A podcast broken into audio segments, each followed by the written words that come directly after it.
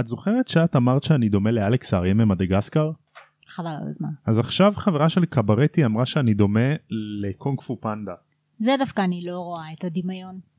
מה הקטע שלכם שאני דומה לחיות? זה מחמיא לי, כן? אני מת על פור, אחלה פור.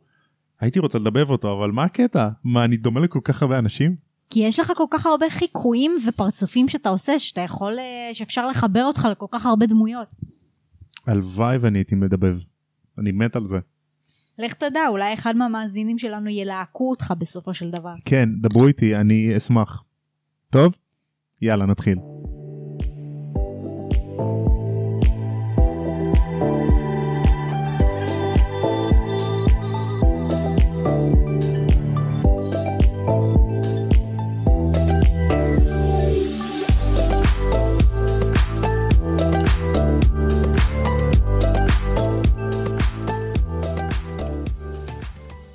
שלום לוחם הדרקון צעיר, זהו אני, מאסטר אוגווי.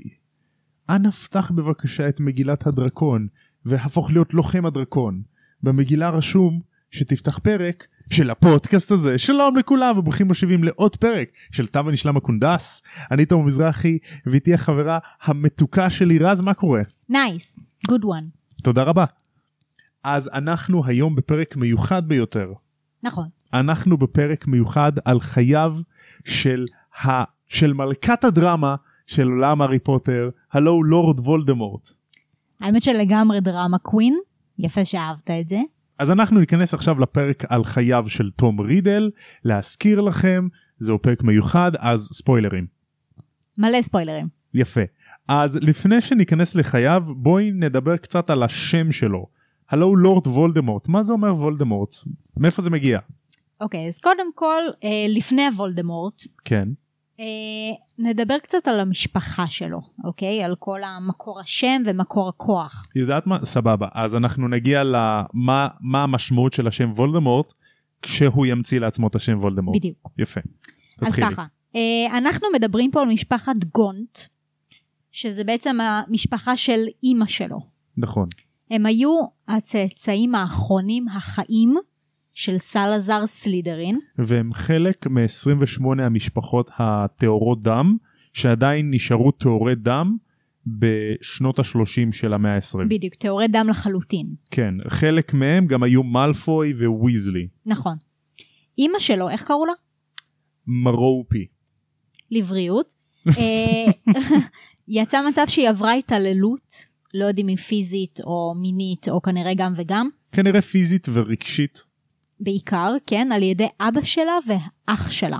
אבא ל- שלה קראו לו מרוולו ולאח שלה קראו מורפין. כן, למשפחה היה להם ירושה של, ה... של הדורות, כאילו, והצאצאים של סלאזר סלידרין, שזה היה בעצם הטליון של סלאדר והטבעת שלו. נכון. זה לא בדיוק הטבעת, זה הטבעת, אה, טבעת גונט, טבעת של בית משפחת גונט, כן. שהם לא ידעו שבטבעת הזאת שוכנת אבן האוב. נכון, את יודעת גם למה?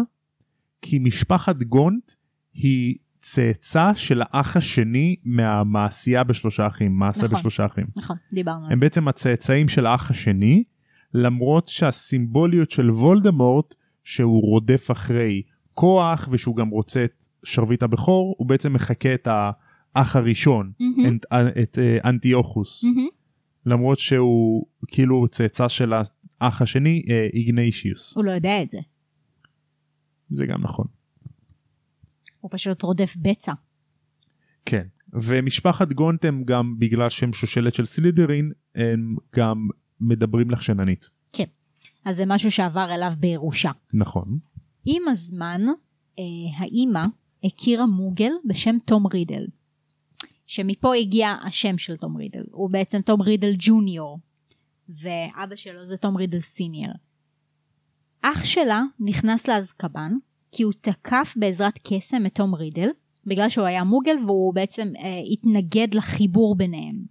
כן, זאת אומרת, מרופי התאהבה בתום רידל המוגל, ומורפין התעצבן מזה, כי הם גם היו נורא... הם התעללו בה רגשית, ובגלל שהם התעללו בה רגשית, קסם לא יכול לצמוח ללא אהבה. אנחנו ראינו את זה גם באבסקיורס.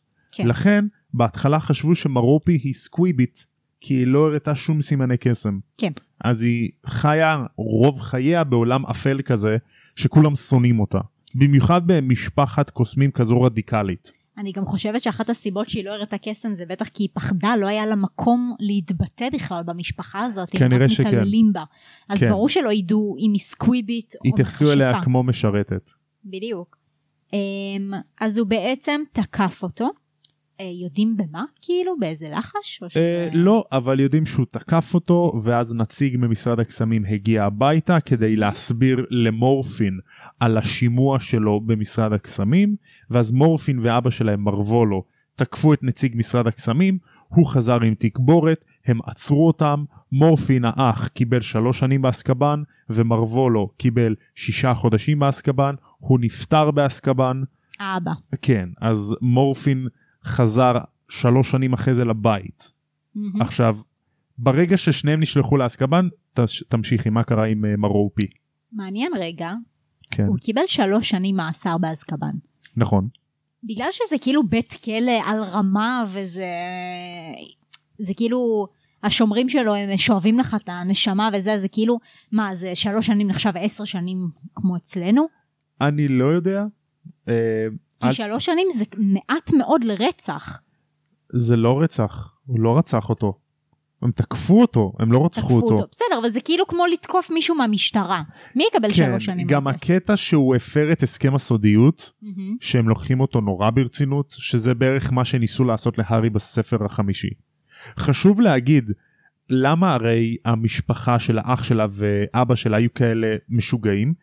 כי הם היו המשפחת, אה, משפחת טהורת אדם הכי קיצוניים, מהמם. לכן הם התחתנו ביניהם, כאילו ההורים בני דודים, ההורים אחים. אה באמת? כן, אז זה משהו נפוץ במשפחת ה... במשפחות טהורות אדם, סיריוס בלק נגיד מסביר את זה להארי, אז כאילו כזה בני דודים הם אחים, סליחה, כן, בני דודים הם uh, הורים, הם זוג ביחד, לכן הם ממש כזה גילוי עריות, ויש ממש מוזר לגמרי. אוי ואבוי לי. כן, אז uh, כדי לשמור על סטטוס אדם הטהור. מהמם.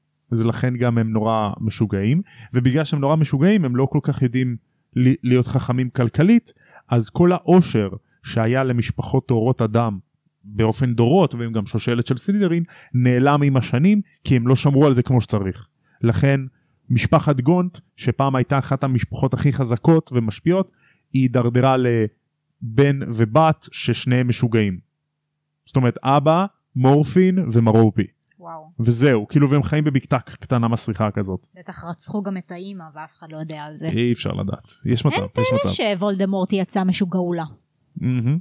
כאילו תראה לאיזה משפחה הוא, מאיזו משפחה הוא הגיע. משפחה בריאה בסך הכל אז בעצם אחרי שהאבא והאח נכנסו לכלא, אימא גונט, לא זוכרת את השם שלה, לא רלוונטי כרגע, אימא גונט סוף סוף הרגישה חופשייה ושהיא יכולה להתקיים בפני עצמה. נכון. אז היא בעצם יצאה מאותו בית שהם היו גרים שלושתם ביחד, היא לקחה איתה את הקמע, שהיה הירושה המשפחתית, נכון. והיא בעצם אה, ברחה עם תום רידל האבא, נכון. והיא היא, אה, נתנה לו שיקוי אהבה כדי שהוא יאהב אותה בחזרה. נכון כי כנראה היה שם איזה משהו, אולי אהבה אותו יותר והוא פחות שם עליה, או אני לא יודעת מה קרה הוא לא שם. התייחס אליה כי כנראה היא הייתה גם מוזנחת היא לא מוכה, הייתה יפה במיוחד כן. היא הייתה מוכה אז הוא לא נמשך אליה כן, אז כדי שהיא היא תאהבה בו כדי שיאהב אותה בחזרה היא נתנה לו שיקוי אהבה בדיוק. ואז אחרי שיקוי האהבה הם התחתנו, היא נכנסה להיריון, ואז היא הפסיקה לתת לו את השיקוי האהבה, במטרה שאולי ברגע שהוא ידע שהיא בהיריון, אז הוא יישאר איתה בזכות הילד, ועם הזמן הוא יתאהב בה בעצמו. נכון אבל הדבר הזה לא קרה. ו- אה, אי אפשר להאשים אותו נכון, אבל מצד מה היא שני, חשבה לעצמה מצד שני היא גם מסכנה ברמות. היא כי מאוד היא מסכנה הייתה ברמות חייבת אהבה ממישהו, היא כנראה בחיים שלה לא קיבלה אהבה מאף אחד, ועד שהיא נדלקה והתאהבה על מישהו, אז היא פשוט רצתה שיאהב אותה בחזרה. אין פה משהו אסור, אבל מצד שני גם כאילו די אנסה אותו, אפשר כן להגיד. כן מה, מה ציפית שיגיד אה, אז שיקרת לי כל החיים ואת סוג של אנסת אותי אבל טוב בסדר אני אשאר איתך. בדיוק, אז כאילו זה כזה שנוי במחלקת המעשה שלה. נכון. אה, לא שנוי במחלקת, זה אסור, כי זה סך הכל אונס, היא נכנסה להיריון שהיא אנסה אותו. אבל מצד שני, זה בנסיבות אה, מוזרות מובנות. ביותר. מוזרות כן. ומובנות. עכשיו, התינוק שבעצם היה לה בבטן, זה מן הסתם וולדמורט, מי שאנחנו יודעים היום. נכון. בגלל העניין שהוא אה, נוצר בעקבות השיקוי האהבה, אז הוא לא יכול לחוש אהבה בחיים שלו. כי הוא בעצם נולד מתוך אהבה מזויפת. בדיוק, זה לא אהבה אמיתית. בדיוק. אז אמרת יפה מאוד בגלל שתום רידל נוצר בעצם דרך שיקוי אהבה אז הוא לא יכול להרגיש אהבה אמיתית כי הוא נוצר בגלל אהבה מזויפת. אז אחרי שתום רידל התעורר והבין שסוג של אנסו אותו אז הוא עזב את מרופי אז מרופי נשארה ללא אהבה ללא כסף וכנראה בהיריון. גם ללא, כס, ללא קסם בהיריון. אז היא מכרה את הדבר היחיד שהיה ברשותה שזה הקמה של סלידרין. היא הגיעה לחנות מסוימת ביותר בסמטת נוקטורן שנקראת בורגין וברקס מהמם. אבל לשם הפרק הזה נקרא לזה חנות הבורקס כי זה בורגין בורקס אז מבחינתי זה בורקס אוקיי, אה, כמו שר, שרביט הסמבוסק. כתבתי את זה פה גם אחר כך. א- אוקיי אז היא נכנסה לחנות הבורקסים והיא מכרה שם את הקמע של סלידרין שכמובן המוכר הבין שיש לזה ערך אמיתי והוא לא רצה להגיד לה תקשיבי את מוכרת הקמע של סלידרין אל תעשי את זה מפגרת ברור. תשמרי את זה ניצל הוא את לא- ההזדמנות כדי בדיוק. אה, לקנות לעסקה ממנה. טובה בדיוק אז הוא קנה את זה ממנה היא קיבלה קצת כסף ואז היא קלקלה את עצמה עד שהיא ילדה את תום רידל בבית יתומים מחוסרת כל והיא מתה בלידה לפני שהיא מתה היא ביקשה מהיולדות בבית היתומים שהוא ייקרא על שם האבא שלו ועל שם אבא שלה ולכן השם של התינוק שנולד הוא תום מרוולו רידל. איך היא יכולה לקרוא לבן שלה על שם האבא שהתעלל בה כל השנים האלה? מה, היא חשה אליו איזושהי אהבה? אל תשכחי שהיא באה ממשפחה די פרימיטיבית בדעות שלה וטהורות דם אז כנראה יש באמת חשיבות לאבא. אל תשכחי שבמשפחות טהורות דם השם האמצעי של הבן הבכור זה השם של האבא Mm, כמו דרייקו לוסיוס מאלפוי נכון, הארי כמו- ג'יימס פוטר. בדיוק סיריוס אה, אוריון בלק מהמם. הבנתי. טוב, גם מדובר פה בשנות ה-20 סך הכל, אז כאילו... כן הם די אה, מיושנים בקטע הזה כמו אה, אלבוס פרסיבל וולפריק בריין דמבלדור בטח. פרסיבל זה אבא של דמבלדור כמה אבות היו לו, אם יש כן. לו שם כזה ארוך. אלבוס פרסיבל וולפריק סניוריטה חורכה מריאנה דמבלדור כן. אז בעצם, אה, אז תום רידל נולד בתוך בית היתומים אז תום רידל, הוא גדל לאורך כל הילדות שלו בבית יתומים, ובעצם כל הילדים בבית יתומים די פחדו ממנו, כי הוא כנראה השתמש בקסם הלא ידוע לו, כן מבחינתו זה והחסר סתם מודעות שלו, מבחינתו זה סתם כאילו יוצא לו זה כריזמה או שהוא פשוט סתם פסיכופת. אומרים שהוא לא בכה כשהוא היה ילד. נכון. הוא לא בכה שהיה ילד והוא בעצם הפחיד את כולם. עכשיו כנראה נכון. עם השנים אה, הוא הצליח להוציא איזה שהם קסמים בלי לדעת, נכון וגם הוא, לא ידע את מי לשאול על זה, אז הוא פשוט המשיך עם זה כי זה בא לטובתו. מבחינתו היה- זה, זה הכי לגיטימי בעולם זה בדיוק. שאחרים לא יכולים לעשות את זה זה כי הם חלשים והוא חזק בדיוק, הוא התחיל לקבל פה איזה שהם תובנות לא נכונות על החיים, כי אין לו כן. ממי ללמוד כן בסך הוא הכל. חושב שבסך הכל בגלל שהוא יכול לעשות את זה ואחרים לא אז הוא מיוחד הוא כאילו שליח האלוהים נכון. הוא יכול לגבור עליהם בעזרת הקסם הזה שלו. אז בעצם הוא השתמש בזה לרעה, והוא השתמש בזה להיות אה, בריון כלפי כל האחרים בבית יתומים. נכון לדוגמה היה איזשהו ילד שהציק לו העליב אותו אז הוא תלה את הארנב שלו oh my god. כן. הוא תלה את הארנב שלו. הוא לקח עוד שני ילדים אני לא יודע אם הוא היה בריב איתם או לא אם הוא שנא אותם או לא אבל הם יצאו לאיזשהו טיול וליד המקום שהם היו בטיול הזה הייתה מערה. נכון. הוא לקח את שני הילדים האלה למערה לא ידוע מה קרה, מה קרה שם אבל כשהם חזרו הילדים האלה לא היו אותו דבר נכון. והם היו מצולקים נפשית והם לא היו מוכנים לדבר על מה קרה במערה הזאתי ותום אמר שהם בסך הכל שיחקו שם. בדיוק, הם מערה, סרקו את המערה הזאת. בדיוק, אותה מערה זו המערה שהפכה להיות המקום מחבוא של הקמע ההורקרוקס. כן, אבל זה נגיע לזה מאוחר יותר. נכון. בגיל 11, אה, בעודו בעצם בבית יתומים, דמבלדור הגיע לבקר אותו, שהוא בעצם היה המבקר הראשון שלו כל החיים. כן. זה הפעם הראשונה שמישהו הגיע במיוחד בשבילו לשם כדי לדבר איתו. כן, אפילו אף אחד לא, לא רצה לאמץ אותו. נכון. דמבלדור הגיע לשם, הסביר לו בעצם על הקסם ועל הוגוורטס ועל כל מה שהוא בעצם כנראה עד היום אה, לא הבין איך מה, ש... מה שהוא עושה קורה. כן. ואז הוא עשה די כאילו אחד ועוד אחד חיבר את הנקודות והבין שהוא כן הוא קוסם והוא אמר אפילו, תמיד ידעתי שאני מיוחד. נכון הוא אמר אומרת- את זה לדמבלדור כן, זאת אומרת, הוא הצדיק, כל השנים האלה, הוא הצדיק את המעשה זוועה שהוא עשה לילדים האלה, והוא אמר, אני מיוחד, אני מיוחד, אני מיוחד. הוא מההתחלה משכנע את עצמו שמה שהוא עושה זה נכון, וזה נכון. טוב, כי מגיע לו. הוא נכון. בעצם, הוא חולה בזכאות. בדיוק והוא גם אמר לדמבלדור באותה שיחה שהוא יודע גם לחשננית נכון. וכנראה שמה דמבלדור גם כן אה, הבין שהוא היורש של סלידרין או הצאצא שלו או משהו כזה נכון כאילו שהוא חלק מהמשפחה שלו כי לא כולם יכולים לדבר לחשננית כן, הרי זו יכולת נורא נדירה גם בקרב קוסמים לדבר אה, עם נחשים. דמבלדור היה יותר מודאג מהעובדה שתום רידל היה שחקן, שקרן, מניפולטיבי וסוג של כאילו גנב מאשר העובדה שהוא דיבר לחשננית. נכון אני חושבת שהוא פשוט ראה פה את אה, הפוטנציאל. את, בדיוק את הפוטנציאל שיש לילד הזה שהוא יכול להיות כאילו מאוד מאוד גדול בעתיד שלו, הוא יכול לחולל אה, דברים מאוד מאוד טובים לעולם, אולי הוא יהיה שר הקסמים יום אחד, כאילו ילד כזה ששולט בקסם בלי שהוא יודע מה זה קסם, זה בן אדם שהוא כנראה מאוד גדול ביכולות שלו. נכון, אפילו הוא- דמבלדור, אה, הארי שואל אותו האם ידעת כבר אז? אז דמבלדור אומר האם אני ידעתי שאני עכשיו עומד ליד הקוסם הכי אפל בכל הזמנים?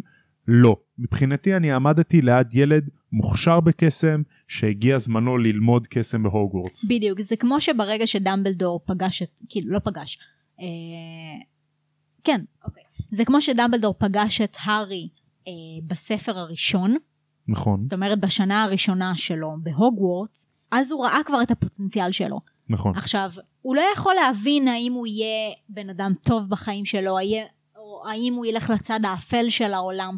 אי אפשר לדעת, אבל הוא פשוט רואה פוטנציאל ויכולות בבני אדם. אין ספק, זה היה יכול בדיוק. להיות גם הפוך באותה הזדמנות, ד... כאילו וולדמורט היה יכול להיות הבן אדם הטוב והארי היה יכול להיות הבן אדם הרע. יכול להיות כן, יכול להיות שבאמת ביקום מקביל זה מה שקרה. אז אנחנו מגיעים להוגוורטס ומההתחלה תום רידל הוא תלמיד מבריק, הוא מנומס, הוא מוכשר, הוא חכם מאוד, כל המורים מתים עליו, הוא כזה את יודעת אהוב על ידי כל המורים, מהמם. חוץ מדמבלדור, דמבלדור תמיד שם עליו עין כזה, הוא לא בדיוק... כן, הוא קצת אה, חשד בו. כן, עכשיו, הוא מאוין לסלידרין, חשוב לציין. כן, ש- ברגע שמצנפת המיון נגעה בראש שלו, הוא מוין לסלידרין. מהמם. ובסלידרין הוא התחיל לצבור לעצמו איזשהו מוניטין ולמרות זאת לא היו לו באמת חברים לפחות בעיניו. כל האנשים שהקיפו אותו כל הזמן מבחינת וולדמורט הם היו כמו פיסות שחמט במשחק הגדול שלו להשיג את כל המטרות שלו. בדיוק. בהוגוורטס הם היו רק תלמידים שעושים כל מיני שטויות ולא באמת מעשי פשע אבל זה עדיין כל מיני מעשי קונדס ובריונות כאלה ואותם חברים הפכו להיות הדור הראשון של אוכלי המוות. בדיוק. עכשיו גם חשוב לציין שהוא באמת כמו שאמרת הוא היה straight A's כאילו, הוא כן. היה בן אדם של מאיות והיה מצטיין. וגם אחרי שקצת נקפוץ קדימה, אבל אחר כך אחרי שהוא סיים את הלימודים שלו בהוגוורטס אז כל המורים המליצו עליו למשרד הקסמים. בדיוק. כאילו הוא היה כל כך חכם וכל כך אה, עם מוניטין ש, שמי לא אהב אותו. וכאילו כן. גם עם השנים בהוגוורטס הוא התחיל לפתח אובססיביות לידע. הוא התחיל להיות צמא לידע. עכשיו ספציפית ידע על המורשת שלו מאיפה הוא בא בדיוק. על המשפחה שלו. בדיוק הוא ניסה לברר קצת על המקורות שלו כי הוא סך הכל גם כנראה שאף אחד בבית יתומים לא נתן לו מידע על מי היו ההורים שלו ומי היו המשפחה שלו. כי לא לכן- ידעו גם. בדיוק לא ידעו אז בגלל זה הוא התחיל אה, לברר כל מיני מידע ואז הוא גילה שאבא שלו אה, סליחה והוא לאורך השנים גם הוא די אה, ניחש שכנראה אבא שלו הוא מהמשפחה של הקוסמים, שזאת אומרת הוא ירש מאבא שלו, ואז הוא הבין בעצם משהו אחר לגמרי, שאבא שלו היה מוגל. כי הוא לא ואם- מצא את השם רידל בכלל בכל מיני אה, ספרי היסטוריה או בכל מיני תיעודים של משפחות אז הוא לא מצא את השם רידל כמשפ... כשם של משפחת קוסמים אז כנראה הוא הבין שאבא שלו היה מוגל ואימא שלו הייתה בעצם המכשפה. בדיוק. אה, וגם לא- לאחר מכן, אה, בשנים, זאת הייתה הסיבה שהוא החליף את השם שלו מתום רידל, כי הוא די התבייש בעניין ש... שאבא שלו היה מוגל ושהוא בכלל לא טהור דם. ושהוא כמו נטש שהוא אותו. חשב, בדיוק. גם נטש אותו וגם עצם זה שהוא לא טהור דם כמו שהוא קיווה שהוא יהיה. כי סך הכל גם בתור הצאצא של סלידרין ומשפחת אה, גאנט, גאנט? גונט. גונט. גנץ. משפחת גאנט, כן. משפחת גונט, אז כולם היו טהורי דם. נכון והוא כנראה מהיחידים ששברו את הסטיגמה הזאת. כנראה. אז זאת הסיבה גם שהוא החליף את השם שלו מתום רידל ללורד וולדמורט עכשיו עם השנים. יש לי בדיחה על זה. אוקיי. אני תמיד מדמיין את זה שוולדמורט חוזר מחופשת הקיץ ואז החברים שלו החברים אוכלי מוות שלו אומר אה תום מה קורה איך הייתה חופשת הקיץ לא לא. מעכשיו תקראו לי לורד וולדמורט. מה מה לורד אתה לא אצולה. לא תקראו לי ו- וולדמורט תקראו לי לורד וולדמורט או אדון אדון האופל. וואי תום אתה מגזים מה קשור לא נו אבל תקראו לי לורד וולדמורט נו מה אני אמרתי לכם? אבל ביקשתי נכון אפילו וולדי זה בסדר. נכון אבל תקראו לי לורד וולדמורט just just אוקיי תד just אוקיי. תקראו לי לורד וולדמורט נו בן 15 די אני לורד אני וולדמורט ככה תמיד דמיינתי את זה. כי הוא תמיד כזה דרמטי. אז עוברות השנים והוא בהוגוורטס ובחופשת הקיץ בין השנה החמישית לשישית הוא יוצא לטיול. הוא כמובן חוזר לבית היתומים ומבית היתומים יוצא לטיול והוא מגיע לבקתה של משפחת גונט. בעצם המשפחה שאימא שלו חיה כאילו עם דוד שלו וסבא שלו. בדיוק רק ששם נמצא רק דוד שלו מורפין להזכירך. מורפין היה באסקבן שלוש שנים ואז הוא חזר לגור בבית מהמם. והייתה לו את הטבעת אז הוא נכנס הביתה ובגלל שתום רידל הוולדמורט דומה נורא לתום רידל המוגל האב אז הוא ישר בא לתקוף אותו ואז תום רידל הבן וולדמורט דיבר בלחשננית עם דוד שלו מורפין ואז הוא הבין מאיפה אתה יודע לחשננית ואז הוא הבין שהוא הבן של אחותו. שזה כל כך מטומטם למה מדובר פה בילד בן 15. איך אתה מתבלבל עם זה שהיה אמור להיות אבא שלו? מה הוא היה בן 15 ש... שאימא שלו... אה, תשמעי הם כאילו אנחנו יודעים שהם משפחה של משוגעים כאלה כי הם כזה מתרבים בתוך. עצמם לגמרי. וגם הוא היה באסקבן אז כנראה הוא קצת פסיכופת לגמרי. בכל מקרה אז הוא דיבר איתו קצת עם דוד שלו הוא סיפר לו קצת על, ה... על האבא, על כן. האימא. ואז הוא הבין אה, שלטבעת שיש לו יש אה, חשיבות היסטורית נכון. והוא גם הבין שאבא שלו עדיין חי באותה עיירה. והוא גם הבין שאבא שלו נטש את אימא שלו כשהוא היה בדיוק בהיריון. בדיוק אז הוא רצה לצאת קצת למסע נקמה. בדיוק אז הוא שיתק את דוד שלו לקח את השרביט של דוד שלו מורפין הלך לאחוזת רידל שהם היו מוגלים עשירים וסנובים רצח את אבא שלו ואת ההורים של אבא שלו כן. וחזר לבית משפחת גונט לבקתה השתיל את הראייה השרביט אצל דוד שלו שינה את הזיכרון של דוד שלו ולקח את הטבעת והלך. בדיוק, הוא כאילו, הוא שינה לו את הזיכרון וגרם לו לחשוב שהוא זה שרצח אותם. בדיוק אז שהמוגלים הזיקו את המשטרה ואז גם משרד הקסמים כזה בא לחקור קצת. בשושו אז מבחינתם הנה השרביט הם עשו את אפקט הלחש ההפוך שככה בעצם גורם לשרביט לעשות את הלחשים האחרונים שהוא עשה ברוורס כן. הם ראו אוקיי סבבה השרביט של מורפין עשה את הקללה ההורגת ומורפין מודה שהוא עשה את זה בבקשה יש, יש לנו לנו אחד ועוד אחד ראייה, יש לנו הודאה, קדימה. לאסקבן לכל החיים. בדיוק, אז זאת הסיבה שהם לא חקרו יותר מדי לעומק את הסיפור הזה ולא ניסו למצוא מישהו אחר, כי יש להם את כל הדברים שמצביעים על נכון. העובדה הזאת. אז מורפין באסקבן כל החיים שלו והוא אמר אה, הוא הוא- תמיד ל- לחש הוא יהרוג אותי כשהוא יבין שאיבדתי את הטבעת. הוא בעצם מדבר על ארבע שלו מרוולו מהמם. שמרוולו כאילו נורא התגאה בזה משפח, בית משפחת גונד, משפחה עתיקה ואצולה וזה, עם הטבעת וירושה, ובסוף הוא איבד את הטבעת כי וולדמורט לקח לו את זה. בדיוק. אחר כך אנחנו ממשיכים לשנה השישית של תום בהוגוורטס. הוא אה, הלך לסלאגהורן, כנראה למורה שהוא הכי אהב, כן. והתחיל לשאול אותו על הורוקרוקסים. נכון. עכשיו, איך הוא בכלל שמע על הורוקרוקסים? מה, הוא קרא על זה באיזה ספר? אז זהו, כנראה שכן, אוקיי. כי הוא... כי דמבלדור בעקבות המקרה הזה החרים את כל הספרים בהוגוורטס בספרייה שמדברים על אורוקרוקסים והחביא אותם במשרד שלו. אז כנראה לי אחרי זה הוא החביא את הספרים האלה כנראה הוא מצא את זה איפשהו הבנתי.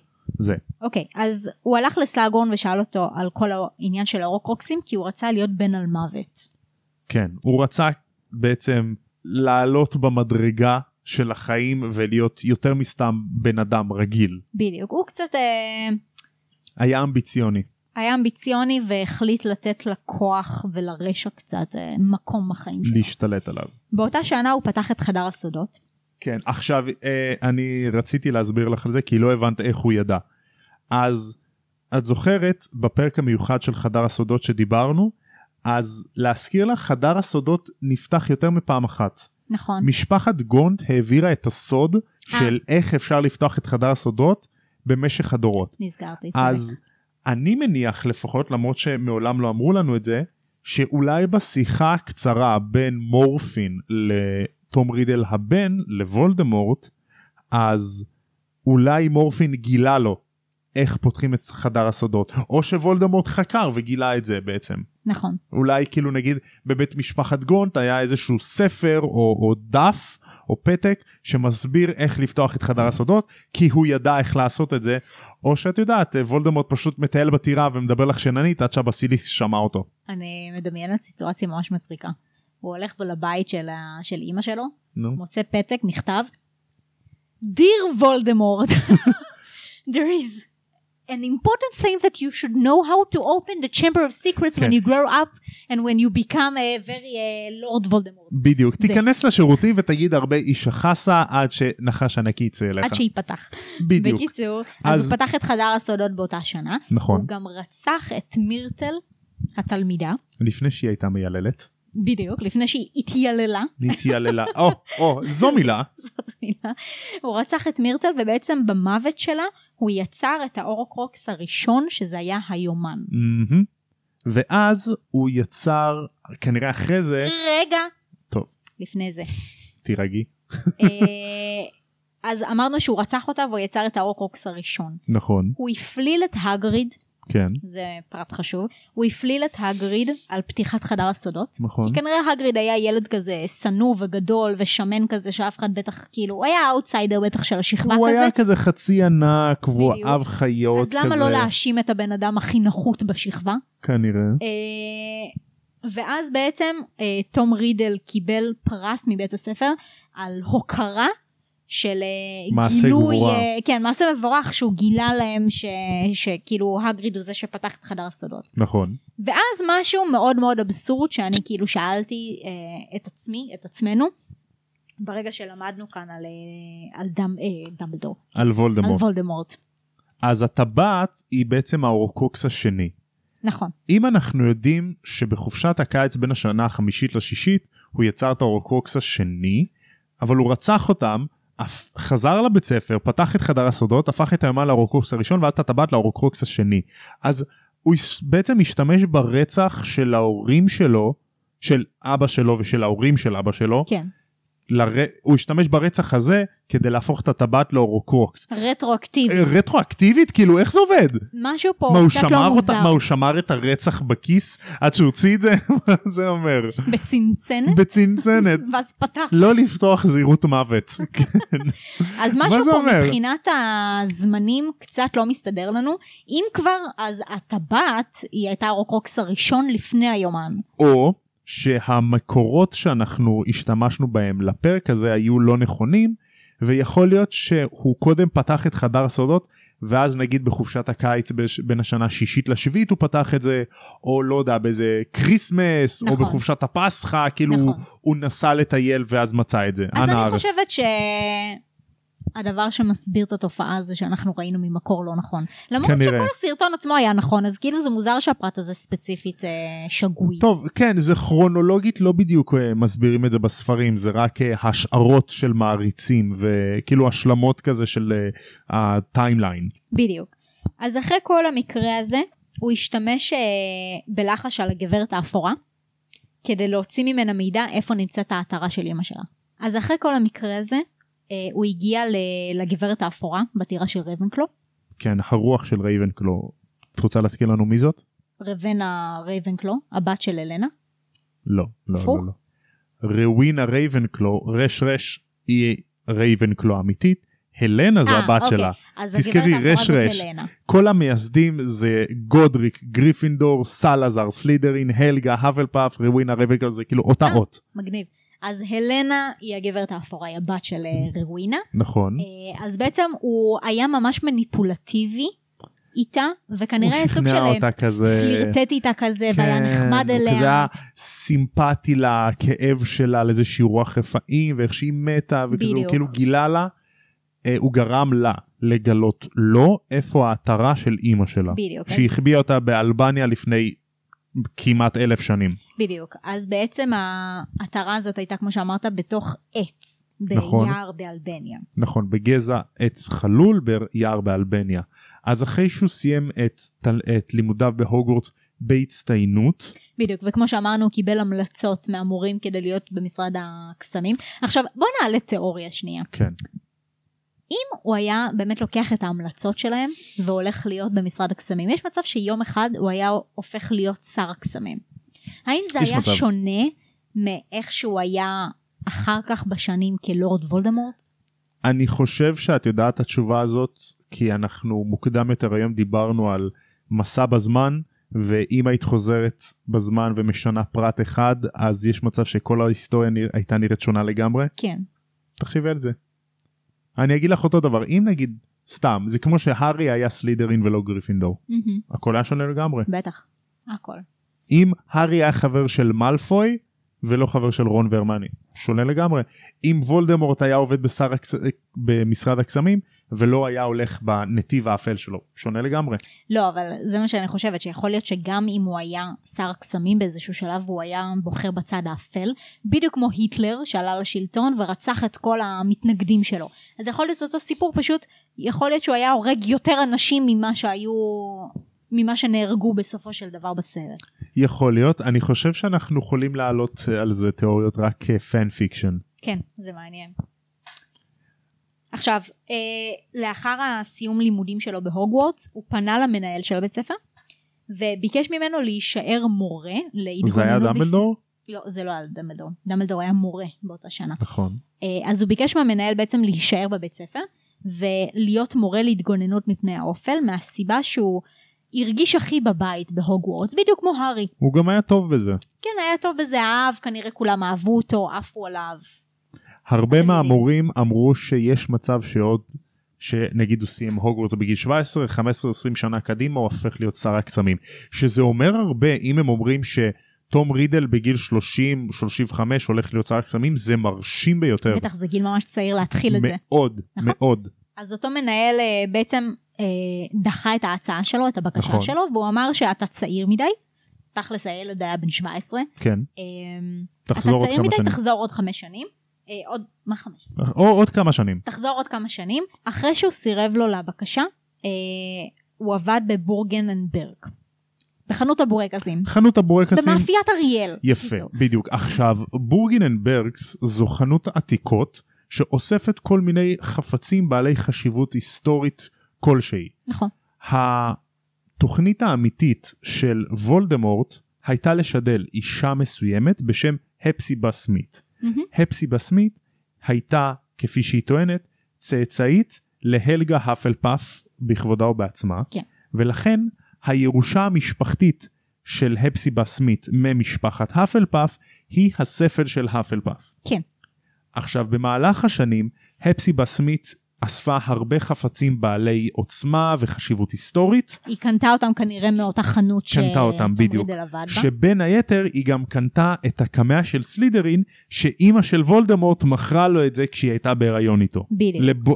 לחנות הבורקס ואז הפסיבה סמית קנתה את זה מחנות הבורקס. מהמם. עכשיו הפסיבה סמית מתוארת כאישה מלאה וסנובית וסוג של רעה במיוחד כלפי הגמדונית בית שלה הוקי נראה לי קוראים לה כן, הוקי משהו כן. כזה ממש עכשיו- מתואר שהיא hideous person. בדיוק בדיוק אז תום רידל שהוא עדיין אה, נאה בין 18 19 20 הוא היה נפגש איתה הרבה מפלרטט איתה מחמיא לה, לה כן. מדבר איתה יפה מביא לה פרחים מהמם. וכזה היא אוהבת של איזה כיף בחור צעיר וחתיך מתחיל איתי איזה כיף בדיוק. אני אוהב את התשומת לב הזאת הוא גרם לה כנראה בפעם הראשונה להרגיש שהיא משהו אחר ממה שהיא.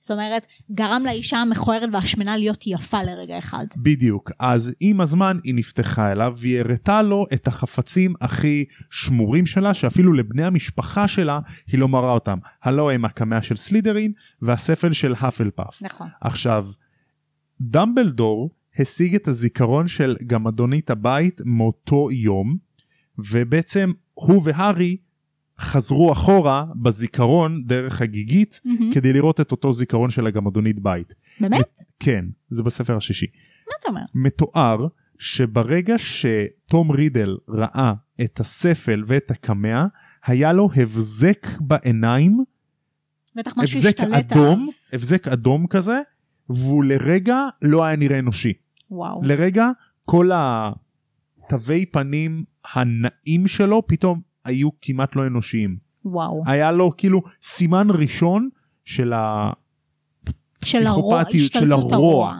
בדיוק ממש אה, השתלטות אה, דיבוק, כאילו כן, אחוז דיבוק. כן בדיוק אז כנראה אחרי זה הוא רצח את הפסיבה סמית הוא שתל ראיות ושינה את הזיכרון של הגמדונית בית ככה שהגמדונית בית זכרה שהיא הרעילה את האדונית אדונית. שלה וככה הוא הפליל אותה ומשרד הקסמים עוד פעם האמין. אה, עוד פעם האמין מהמם. ובעצם וולדמורט לקח את הספל של האפלפאף את הקמע של, של סלידרין התפטר מחנות הבורקס ונעלם לעשר שנים. בדיוק. עכשיו לא ברור כל כך מה הוא עשה בעשר שנים האלה אנחנו יכולים אה, להעלות תיאוריה שהוא כנראה ייצר את האורוקרוקסים בשנים האלה. נכון ושהוא נסע לאלבניה והוא השיג את העטרת של רייבנקלו בדיוק. בדיוק. עכשיו, תיאוריה אישית שלי, אה, שכנראה היא די אה, נכונה למרות שלא אמרו אותה, היא שכשתום רידל עבד בחנות עצמה, אז שם הוא הכיר את הבחורה הזאת, את ההפסיבה הזאת. נכון אז כנראה ברגע שהוא עבד שם, הוא הסתכל ברישומים של הקניות בשנים האחרונות כן. בחנות, וראה שאותה בחורה היא זאת שקנתה את הירושה של סלידרין מהמם. מאימא שלו. אז נכון. יש מצב שזה הפרט שבאמצעותו הוא עקב אחריה, ו... ובעצם אה, התחיל איתה, כן כנראה כדי שבסופו של דבר הוא יוכל להשיג את זה בחזרה. בדיוק עכשיו קופצים קדימה עשר שנים אחרי זה ווולדמורט מגיע לביקור בטירת הוגוורטס למנהל החדש של הוגוורטס שהלו הוא אלבוס פרסיבל וולף ובריאן דמבלדור והוא דורש אה, הוא מבקש את המשרה להתגוננות מפני כוחות האופל וכמובן דמבלדור מסרב כי הוא אומר אני יודע מה אתה עושה בימים האלה תום אני יודע שקוראים לך לורד וולדמורט אני הולך לקרוא לך תום כי אתה יודע אנשים זקנים אנחנו קשה לנו אה, להמשיך עם הזמן אנחנו תקועים בעבר אז מבחינתי אתה עדיין תום שזה מצחיק אז הוא אומר לו אני יודע מה אתה עושה אני יודע שאתה מתעסק בדברים קצת שיידי אז אה, לא כפרה העבודה לא שלך לך ואז מה קרה? אז ו- וולדמורט בגלל שהוא ילד קטן ונקמן הוא שם jinx על המשרה של התגוננות מפני- מפני כוחות האופל זאת אומרת שכנראה משנות ה-60 הוגוורטס מחליפים מורה כל שנה בדיוק. שזה כאילו אוי זה מה זה קשה זה מעצבן כמה ניירת. בדיוק. אוי ואבוי. עכשיו, גם במהלך השנים, ס- סליחה רגע לפני זה ובאותו יום הוא הגיע עם העטרת של רייבנקלו ההורוקרוקס סליחה העטרה של רייבנקלו ההורוקרוקס לחדר הנחיצות. נכון, חדר הנחיצות פתח את עצמו בשביל תום והיה שם כזה מלא ג'אנק של מלא תלמידים מכל המאות שנים של הוגוורט כן. והוא החביא את זה שם מהמם. ואז הוא הלך. בדיוק.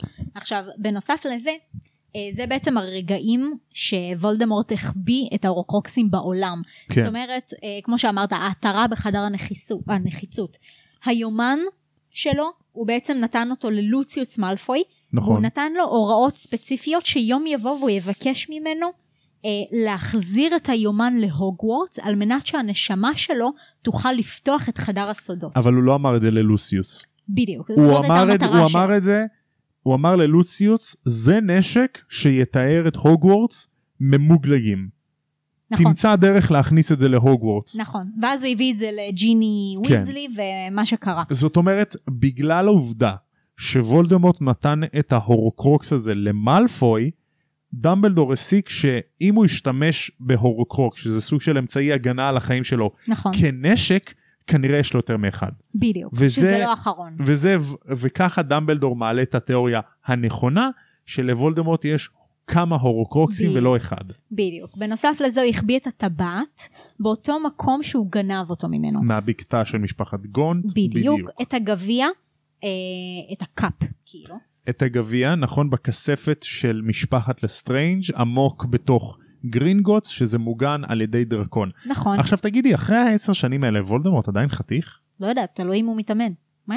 כנראה שבמהלך השנים, בגלל שכל הרוע עלה לו לראש, אז הוא בטח נהיה כזה נחשי וקצת מגעיל, וכמו שהם ראו שהוא לא היה בן אדם אנושי באותו רגע, אז כנראה החוסר אנושיות הזאת השתלטה עליו לאורך השנים. זאת אומרת, כל הרוע וכל הקסם האפל שהוא התעסק בו השפיע על המראה שלו? כנראה שכן. זה, זו, זאת התיאוריה. אוקיי. אה, הוא גם החביא את. ה, את הקמע באותה מערה שהוא ביקר ב, בצעירותו כשהוא היה בבית יתומים.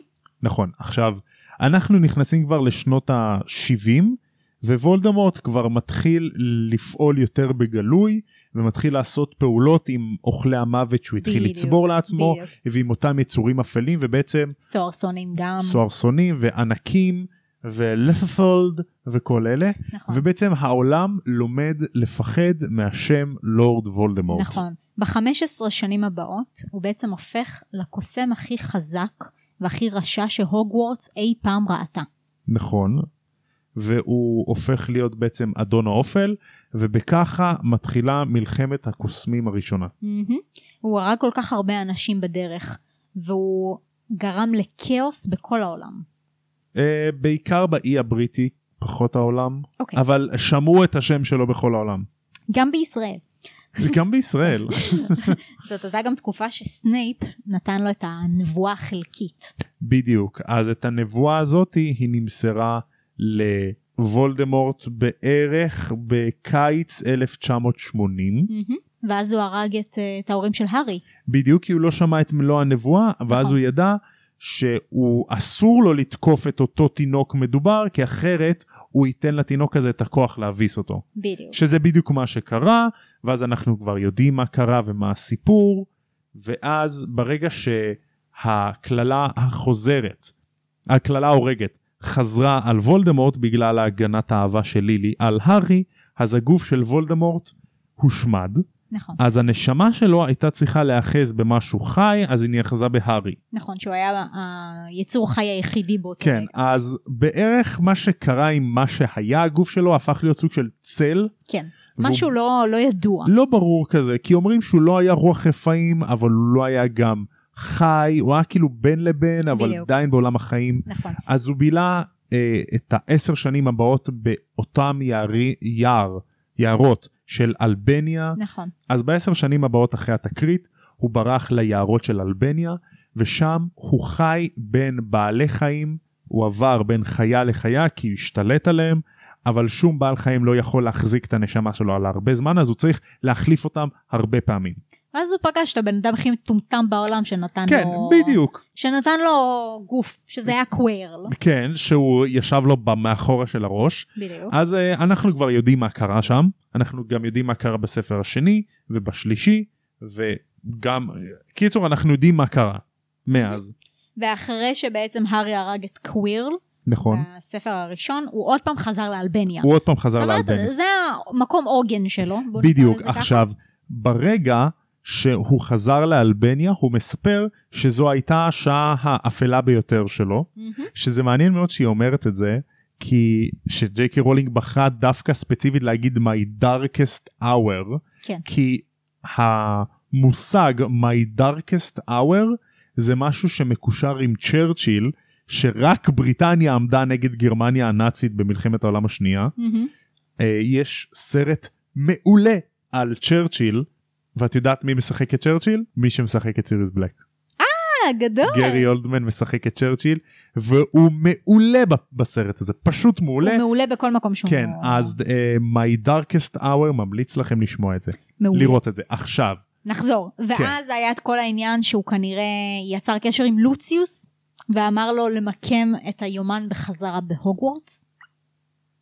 ואז בערך אחרי התקופה שקווירל מת והנשמה של אה, אה, וולדמורט עוד פעם חופשייה והיא כנראה חזרה לאלבניה עוד הפעם אה, אז זאת הייתה תקופה של לוציוס בעצם שלח את היומן לבית הספר עוד הפעם וכל העניין של חדר הסודות נפתח עוד הפעם ואתם יודעים בדיוק מה קרה בספר השני. נכון, עכשיו יש פה עניין שוולדמורט בש, בשנה הרביעית כשהוא חוזר והוא נואם את כל הקטע עם לוסיוס והיומן וזה, הוא יודע שהניסיון של היומן נכשל. איך הוא יכול לדעת, והוא באלבניה, כן? כן. מה הנשמה שלו בתוך היומן עשתה בלונדון, ב- ב- כאילו בבריטניה, איך הוא יודע את זה? מה זה? יש אולי להם הוא טלפתיה? הרגיש אולי הוא מרגיש מה קורה עם הנשמות זה שלו לא מוסבר זה לא מוסבר כי כשהם כן מחסלים את האורוקוקסים שלו בשביעי לפחות את השניים הראשונים הוא לא מרגיש זאת אומרת הוא לא יודע שהשמידו את הקמע או את הטבעת אוקיי או את היומן הוא לא יודע את זה אבל הוא כן יודע שהניסיון נכשל זה לא כל כך ברור אוקיי. בעצם עכשיו אני חושב על זה אולי הוא יודע את זה מפיטר פטיגרו. הרי פיטר פטיגרו כ Scabbers זה היה שם כל הזמן הזה. נכון. אז הוא ראה את זה אה, מהצד. אוקיי. אם כבר אנחנו מדברים על פיטר פטיגרו הוא מצא אותו. אחרי שפטיגרו ברח הוא הגיע לאלבניה ואז בתור עכבר הוא כזה טייל כי הפרצוף של פטיגרו כנראה מכירים אז הוא שאל את העכברים האחרים ביער של אלבניה. ממש סיפור הטאטוי אה, כן בדיוק. והעכברים האלה סיפרו לו שיש איזשהו צל שאוחז די, כדיבוק בבעלי חיים אחרים מהמם. אז הוא הלך לחפש את הצל הזה כי הוא ידע שזה וולדמורט כי הוא שמע שמועות מהעכברים האלה והגיע לוולדמורט סבבה. אז אה, את יודעת הם כזה התחילו לפתח איזושהי תוכנית מה לעשות ואז איזה מזל שמכשפה עובדת משרד הקסמים בשם ברטה ג'ורקינס הגיעה לאלבניה ואני לא נכנס לזה עכשיו איך ברטה ג'ורקינס עזרה לוולדמורט לחזור לחיים אבל היה לה תפקיד משמעותי בחזרה שלו. אוקיי. נדבר על זה בסוף הספר הרביעי שוולדמורט מסביר כל מה שקרה. אני בכוונה לא אומר את זה עכשיו כי הספר הרביעי מדבר על זה בהרחבה. אוקיי. אז אנחנו לא ניגע בזה עכשיו. יש משהו שאני אישית לא מבינה פה. כן. איך זה הגיוני שזנב תולע פיטר פטיגרו כן. אה, עבר צד לוולדמורט כאילו מה ההיגיון? הוא היה החבר הכי טוב של ג'יימס הוא היה חלק מהקונדסונים. כאילו מה גרם לו לבוא אה, למצוא את וולדמורט? הוא חיפש אותו כן. מצא אותו והתחיל לעזור לו. אמ, אוקיי. יש לי שאלה. את רוצה שאני אלך על זה עכשיו או אני אענה לך על זה כשהספרים מגיעים לזה? עכשיו כן אנחנו כבר מדברים על זה. טוב סבבה. אז הסיבה שפטיגרו עובר לצד של וולדמורט וממשיך לחפש אותו כי הוא יודע שהוא לא יכול לחזור לצד של הטובים. הרי עכשיו כשחשפו אותו גם לופין וגם סיריוס ששניהם חיים ושניהם בצד של הטובים וגם הארי וכנראה גם דמבלדור כן יודעים שפטיגרו הוא אשם ובלק חפים מפשע הוא לא יכול לחזור לצד שלהם וכנראה הם גם יגלו לכולם שהוא זה שבגד בפוטרים אז אין לו לאן לחזור. למה מלכתחילה פטיגרו עבר לצד של וולדמורט? כי פטיגרו הוא חסר עמוד שדרה והוא תמיד חייב לעקוב אחרי בן אדם יותר חזק ממנו בין אם זה כריזמטית או literally יותר חזק ממנו אז הוא נורא הוקסם מוולדמורט ולכן הוא עבר צד. הבנתי תמיד הוא היה נגרר אחרי סיריוס וג'יימס כי הם היו הכריזמטיים בקונדסונים בקונדסאים והוא פשוט ראה שיש כאילו ה... הבריון הכי חזק במגרש המשחקים היה וולדמורט אז הוא הלך לצודד עם וולדמורט. הבנתי, הוא כנראה גם אה, פשוט הרגיש אה, בדידות. כן הוא כנראה רצה להרגיש. חי... אה, שייך אז הוא רצה לעבור לצד שלהם. אחר כך היה את כל העניין עם ברטי קראוץ' ג'וניור. אחר כך היה את כל העניין עם ברטי קראוץ' ג'וניור. נכון שזה מתקשר לברטה ג'ורקינס. בדיוק, שבעצם כולם חשבו שהוא מת בתחילת הספר. אמ, ווולדמורט השתמש בו כדי להתחזות למורה בבית הספר, נכון. שזה היה עין הזעם מודי, נכון. כדי לגרום בעצם להארי להשתתף בטורניר אה, של הספר הרביעי, טורניר הקוסמים המשולש. זה, לנצח אותו, הכל כדי לגעת בגביע של הניצחון, שבסופו של מעבר. דבר, בדיוק, שזה היה מפתח מעבר לבית הקברות, ששם הוא יפגוש את וולדמורט. אוקיי עכשיו איך וולדמורט חוזר לחיים? יש תהליך שבנוי משלושה מרכיבים מרכזיים. עצם של אבותיו, זאת אומרת זה היה בדיוק בבית קברות של אבא שלו, עצם של אבא שלו שנלקחה ללא ידיעתו הוא כי מת. הוא מת, כפרה. בשר של המשרת נאמן, שניתן מרצון נכון, שזה היה בעצם היד של פיטר פטיגרו, ודם של האויב. שנלקח בכוח. וואו איזה תיאורים כאילו, כאילו אף אחד לא יכול לנחש לבד. כי זה חייב חייב ל- ל- לקחת לא בכוח. חשבתי שהארי יבוא אליו, בוא, קח מתנה. דם. התחסנתי את הס- עשיתי את החיסון השני אתמול. מתנה כפרה, קח, עליי. בבקשה קורונה. היה להארי קורונה. ווולדמורט היה לוקח לו את הדם הוא סוג של דופק אותו. כי הרי הארי הוא בן 14 נכון? כן. ווולדמורט מת בגיל 71 אוקיי פלוס מינוס 71 72 אז נגיד אה, שלוש שנים לפני זה זה, זה הספר הרביעי אז וולדמורט בן 68 וולדמורט בקבוצת סיכון ללא ספק. כך וולדמורט קורונה איזה מחשבה מטומטמת. עשה לו קטע מסריח. עכשיו, אה, בעצם הוא השתמש בדם של הארי, כדי שככה הוא יוכל לגעת בו בלי שהוא, בלי שהוא ימות. שגם הרי- ההגנה של לילי תפעל על וולדמורט. בדיוק, כי הרי ראינו בספר הראשון שהארי נוגע בקווירל, וככה בעצם הוא הרג אותו. נכון. הוא הרג את, את הנשמה, זה לא יהיה הורוקרוקס, אבל את הנשמה של אה, וולדמורט בתוך שנצמדה אליו. קוויר בדיוק עכשיו זו הסיבה למה בסופו של דבר וולדמורט נופל כי פה זה חטא היוהרה מהמם, מה שוולדמורט נכון. עושה פה וזה למה הוא נופל לגמרי. ואני אסביר לך גם למה הוא נופל. הרי הוא רצה שההגנה של לילי תפעל גם עליו אבל מה שהוא לא הבין שברגע שהדם של הארי זורם בדם שלו אז הארי סליחה וולדמורט הוא סוג של הורוקרוקס אהבה כל- בשביל הארי Mhm. זאת אומרת כל עוד הדם של הארי זורם בגוף כלשהו עלי אדמות הארי לא יכול למות נכון. זאת אומרת גם אם וולדמורט יהרוג את הארי הארי יחזור לחיים. זאת אומרת צריך להרוג קודם את וולדמורט כדי להרוג את הארי. זאת אה, אומרת כמו שאמרתי גם בפרק מיוחד בעבר גם אם כל אוכלי המוות היו עושים על הארי מיליון אבדה קדברה כל עוד וולדמורט לא מת הארי לא יכול למות. בדיוק. אז בתכלס, כאילו, וולדמורט הוא הורוקרוקס של הארי. בדיוק ובחטא היוהרה כאילו. פה הוא נופל נכון. פה הוא נופל בדיוק וזה מה שוולדמורט לא מבין וזה למה הארי חוזר לחיים. בדיוק. אז לאחר כל הסיטואציה הזאת בבית הקברות, הארי אה, חוזר בחזרה ל... הוגוורטס ומספר לכולם שוולדיך he's back וולדמורט's back אבל אף אחד כמובן לא מאמין לו, לא, נכון. לא שר הקסמים, לא אף אחד. ובעצם בזמן הזה וולדמורט מנצל את, ה...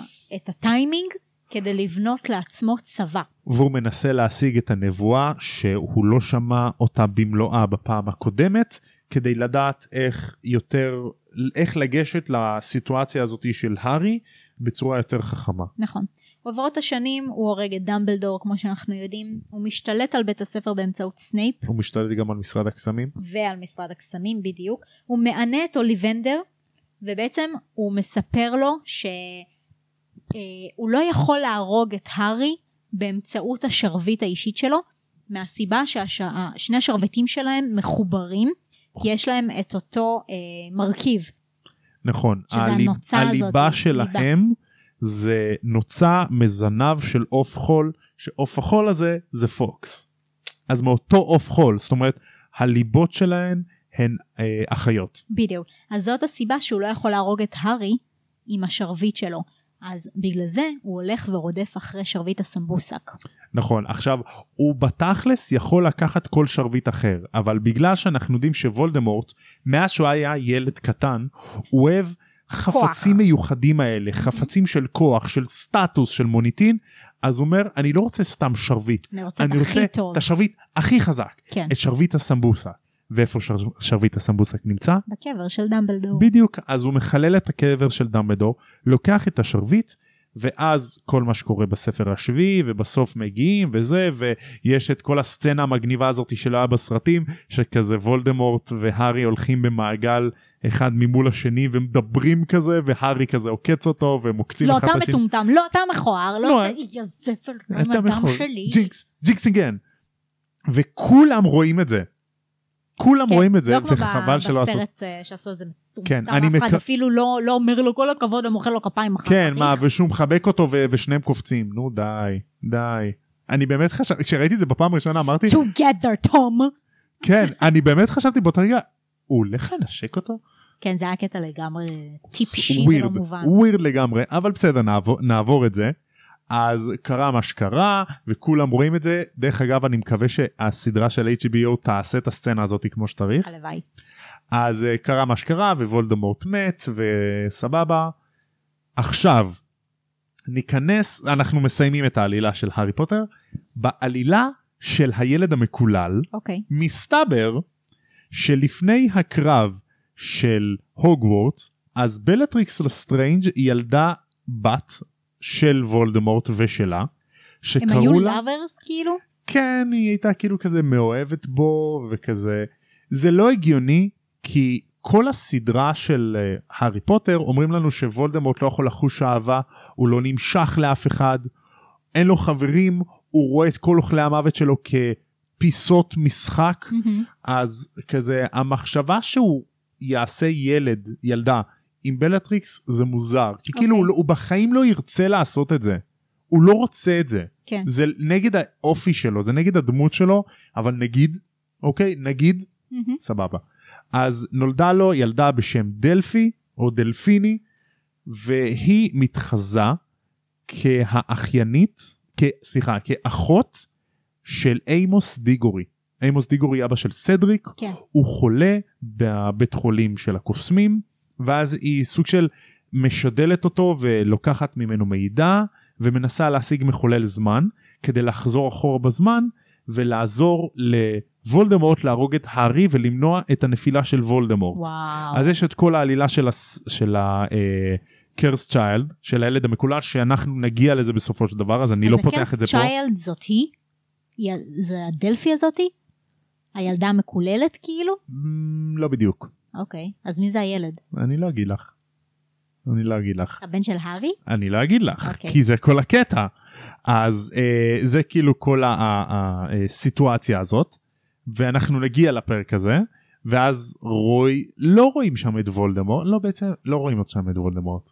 וואי לא קראתי את זה מלא זמן בכל מקרה אז אה, לורד וולדמורט אלו חייו עכשיו. תולדות החיים תולדות שלו. וולדי וואי כן. אנחנו שעה כבר מדברים על זה תקשיבי אז אה, לפני שאנחנו מסיימים חשוב לי להגיד שהשם וולדמורט מצרפתית זה flight from death זאת אומרת מנוסה מן המוות שזה מצחיק כי flight זה גם מנוסה וגם תעופה נכון. וולדמורט המציא לחש שהוא יכול לעוף עם שרביט בלי מטאטא מהמם. הוא הראשון בעולם שיכול לעוף נכון. אוקיי?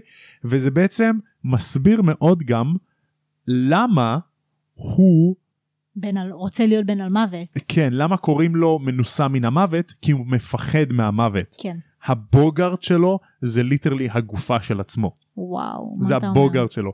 כן.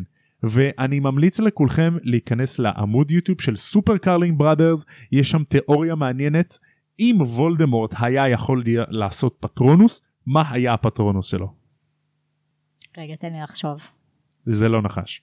על פי התיאוריה. לא לא חשבתי. טוב, אני אגיד... הארי כמעט בלי ראש. הארי כמעט בלי ראש, הארי בלי ראש.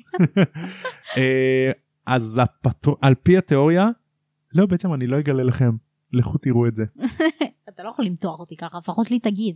אני אגלה לך אחרי זה. אוקיי. וזהו, יש לנו עוד משהו שרצינו להגיד? אה, שהוא חתיכת מסכן. וולדמורט. בתכלס כן, בתכלס מאוד מסכן הנסיבות שהוא נולד בהן והנסיבות שהוא גדל בהן הן נסיבות חרא. יש איזו סדרה בנטפליקס שאני כרגע לא זוכרת את שמה כי אני ראיתי מיליון דוקו פשע. כי סגר, כרגע, בדיוק זה סגר וגם הז'אנר האהוב עליי בעולם. Uh, בקיצור זאת סדרה שמתעסקת ב, uh, בתולדות החיים של כל הרוצחים הכי גדולים בארצות הברית ובעצם מוכיחה למערכת המשפט מה יכול היה להוביל אותם לאותו רגע של הרצח שזה בעצם הילדות הכי נוראית שבן אדם יכול uh, לדמיין. כן זה ילדות ללא אהבה התעללו, בל... התעללו בהם פיזית מינית רגשית מנטלית זה הילדים הכי מסכנים בדיוק. זה ילדים מנודים מהחברה בדיוק, כאלה שהגיעו למשפחות אומנה, כאלה שהיו בפנימיות, שהיד- כאלה שהתעללו בהם, לסמים, בדיוק. שהידרדרו לסמים כי הם ברחו לרחוב ואף אחד לא טיפל בהם, אף אחד לא חיפש באמת אותם. הילדים עם הנסיבות הכי קשות ולצערנו הם באמת הגיעו למצב שהם מבצעים פשע. בדיוק, עכשיו וכאילו אני לא אומר שהם חפים מפשע אבל מצד שני הם גם הקורבנות של הנסיבות שלהם. נכון. עכשיו, זה בדיוק מזכיר לי, אה, אתם ת, תשמעו את הפרק הזה עוד כמה ימים, אבל בדיוק אתמול בערב אה, הייתה כתבה בחדשות על אה, נערה מדהימה, בחורה מדהימה בשם חיה אמבש, שאני מאוד מקווה שאתם יודעים את הסיפור עליה ועל כל המשפחה שלה, שהם בעצם ילדי הכת, הם הקורבנות של האבא שלהם, שזה דניאל אמבש, אה, שהוא היה אה, חרדי, שעדיין חרדי, שהוא בעצם יצר כת משפחתית. עם כמה נשים. עם כמה נשים, ש- שש או שבע נשים אני חושבת, וכל הילדים עברו התעללות אה, לאורך כל הילדות שלהם, עד שבשלב מסוים אה, הלשינו על אותו אה, דניאל, הכניסו אותו לכלא, וכל הילדים עברו פנימיות אה, ומשפחות אומנה, וסבלו לאורך כל השנים האלה. אה, היו כאלה גם שברחו לרחוב, ומה שהכי אבסורד פה זה שבדיוק בכתבה הזאת חנה, אה, אחת הבנות מספרת, חנה ש- או חיה? חיה.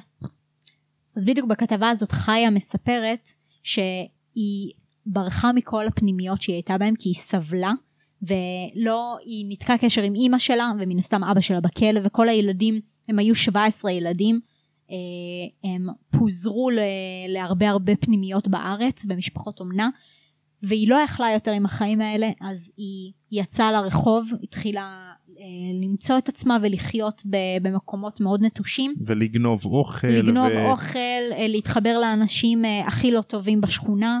אה, כדי לשרוד, של, בגדול. כדי לשרוד, ובסופו של דבר היא נפלה לסמים, והיום הבחורה המדהימה הזאתי, היא הייתה קצינה בצבא, השתחררה, בדיוק, והיא פשוט דמות להערצה, והיא ההפך הגמור מסיפור שהיה יכול להיות אה, אחרת. כאילו כמו וולדמורט לצורך העניין, אני, אני כן. משווה כאן את הסיפורים, נכון, כי לשניהם נגיד היה עבר מאוד מאוד לא פשוט, מאוד קשה, והוא ניצל את זה במרכאות אה, כתירוץ לחיים ש... ולבן אדם שהוא גדל להיות, בדיוק, והיא פשוט לקחה את זה, היא ועוד כל האחים של האחרים, לקחו אחריות על החיים לקחו שלהם. אחריות על החיים, החליטו לקום ולהבין שאומנם זה הדבר היחידי שהם גדלו וחונכו עליו, אבל לא עוד. בדיוק, אז יש לי שני דברים להגיד לך. דבר ראשון, חיה היא באמת גיבורה, היא והיא וכל ה- ה-17 אחים שלה, כל דרך אגב. ה-17 אחים שלה והם ההארי פוטר של החיים האמיתיים. לגמרי. ומה שאנחנו יכולים ללמוד מזה, מהסיפור של חיה והאחים שלה, מהסיפור של וולדמורט, מהסיפור אפילו של הארי, אל לנו להיות הקורבנות של הנסיבות שלנו. לגמרי. אנחנו צריכים להתעלות על הנסיבות שלנו, וזה גם משהו שאני באופן אישי הרבה שנים אני תמיד נתתי לעצמי את התירוץ של כאילו מגיע לי לעשות את זה כי אני כאילו אה, היה לי קשה ועברתי קש... דברים קשים בחיים והיו לי תקופות לא טובות אז כאילו נתתי לעצמי תירוץ של בסדר מגיע לי כן. ולא אני לא אני לא קורבן של הנסיבות שלי אני צריך להתעלות מעל זה. לגמרי, איזה כי- משפט חכם. כי לכולנו יש את הנסיבות האלה, לכל אחד יש את הקשיים, את הקשיים שלו, גם אם בן אדם שבאופן חומרי לא חסר לו שום דבר, יכול להיות שכן חסר לו משהו, ואסור לנו להמעיט בבעיות של מישהו אחר. נכון. גם אם הנקודת מבט שלנו בעינינו היא הכי נכונה בעולם, אל לנו לפקפק בנקודות מבט של אחרות, כי אחרת אנחנו אגוצנטרים, שזו מילה שלמדתי לפני יומיים, אז אני מתגאה בעצמי שלמדתי מילה חדשה. האמת שזה משפט ממש יפה ואתה לגמרי צודק, אנחנו חייבים להיות אחראים על החיים שלנו, כן. ואנחנו אלה שקובעים לאן נגיע, בדיוק. בטוב וברע. אז תפסיקו לתת לעצמכם. תירוצים. כן, ואל תהיו וולדמורט. אני חושבת שזה היה אחד הפרקים המיוחדים הכי מעניינים. כפרה, אז אנחנו כבר אה, שעה ועשר דקות. די. מה אתה אומר? בוא יותר ארוך מהחלקים של הסרטים שלנו. כן. אה, אני חושבת שזה פשוט פרק מיוחד, אה, זה ליטרלי מיוחד, אבל גם נותן פרספקטיבה ונקודת מבט על דברים שחלקנו לא יודעים, או לעומק או לא יודעים בכלל, כן. כמוני, שחוץ מתום רידל לא ידעתי נכון. על הבן אדם הזה שום פרט מעבר לוולדמורט. אה, ככה שזה חידש לי וכאילו פתאום הבנתי את, ה, את החיים שלו ו, ולאן הוא הגיע וכמה הוא בן אדם מסכן ועלוב. ולהבין ממש את הדמות שלו. בדיוק. עכשיו, יש לי דבר אחד סופר חשוב להגיד לפני שאנחנו מסיימים, אוקיי. כי אני לא יכול להתאפק עד סוף הספר החמישי. הקטע שאני הכי אוהב של וולדמורט או, זה בסרט. זה בסרט החמישי. אוקיי, אז יש את הקטע שוולדמורט מנסה להשתלט על הארי בספר החמישי וכזה הוא גורם להארי לחוות את כל הזיכרונות הרעים האלה אז יש קטע שהוא כאילו מתעלל בו. אז, בסרט, כן, כן, מדברים בסרט. סרט. אז תחפשו את הקטע ביוטיוב באנגלית שוולדמורט פוזסס הארי אז יש קטע שוולדמורט פשוט עושה כזה פשוט כזה יש מוזיקה ואז אני אערוך את זה אבל יואו זה גדול ואני ראיתי את זה ופשוט נקרעתי מצחוק ואז אני הראיתי את זה גם לך ולחברים שלנו בברלין ולא הפסקנו לצחוק על זה אז זה הקטע הכי אהוב עליי בעולם. ושיהיה ברור שמאז זה עושה צה כל הזמן, כן? כל מאז, הזמן. כי כן. גם- יש גם בדיחה טובה דומה לזה בספר. באמת? כן. אוקיי. אני אסביר, לא דומה, אבל כאילו, ה- איך שוולדמורט הוא פשוט דרמה קווין מדהימה ואני מת עליו. אוקיי? ובוא נדבר רגע על רלף פילנס. אז בספר הנבואה נשברה ואז אה, בלטריקס כזה מה קרה פוטר איפה הנבואה תביא לי אותה ואז הוא אומר אה היא נשברה ואז כזה אוי לא אוי לא אדוני בבקשה אני ניסיתי להביא את זה אבל הוא שבר אותה. ואז הארי כזה מרחוק צועק לבלטריקס מה קרה? את מתחננת אליו? הוא לא שומע אותך. He can't hear you can he? ואז פתאום וולדמורט כזה can't I potter? מה, מה, מה? can't I potter? כאילו אה. כזה הוא לא יכול לשמוע אותך "Hmm, האומנם כזה דרמטי ואז הוא נכנס אשכרה דרמה קווין. ובוא רגע נעריך את השחקן המדהים רלף, פינס, שאני חושבת ש... שהוא משחק גם את אה, פרעה רמסס נכון. בנסיך הוא משחק מצרים. גם את אמון גט ברשימות שינדלר. כל כך הרבה. אוי נכון אמון גט. כן. וואי מעניין מאוד. אה, אז אני חושבת ש... שה... אז אני חושבת שהבמאים של הארי פוטר לא יכלו ללהק שחקן טוב יותר לוולדמורט פשוט פינס. אני חושבת שגם מעולה. בכללי כל שחקן שלוהק לסרטי הארי פוטר, במיוחד המבוגרים. במיוחד המבוגרים האלוהים האלה, כן. פשוט לא היה שום שחקן אחר שאני יכולה לחשוב עליו שהיה יכול לעשות את העבודה יותר טוב ממה שהיא נעשתה. אני מסכים אני חושב שחלק מהבמאים עשו טעויות באיך שהם ביימו את הסרטים אבל ספק. זה כאילו בכל ספר בכל סרט יש כזה. אין ספק, אבל אני רק אה, משפט אחרון, שבתור אחת שראתה את הסרטים אין ספור פעמים, וקראתי את הספרים בסך הכל עד אמצע הרביעי, ככה שאין יותר מדי פרטים ו- ומידע שאני יודעת עליהם, אבל בתור אחת שצפתה רק בסרטים, כן. נגיד את זה ככה, הסרטים בעיניי מושלמים. כאילו, זה נכון שבאיזשהו שלב מהספר, ה- מהסרט הרביעי כבר פחות מתחילים אה, להסביר על דברים, כי ה- הספרים עצמם הם מאוד מאוד ארוכים והם לא יכולים בשעתיים וחצי להכניס את כל המידע מהספר. נכון. אז נכון שיש הרבה דברים לא מובנים לצופים, אבל הסרטים פשוט מצוינים לגמרי בעיניי. אין ספק אין ספק. אז אה, איזה כיף. בנימה אופטימית זו. בנימה אופטימית פה. אה, איזה כיף שהיית פה.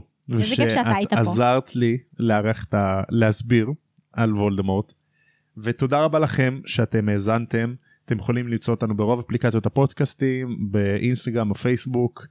ועד הפעם הבאה, כמו שהם אומרים בעולם של הארי פוטר, לפני שהם אומרים טה, תם ונשלם הקונדס. יאללה ביי. יאללה ביי. מה את אומרת אז נחמם תה? כדאי. נחמם כאן נעשה איזה תה איזה צה. I know.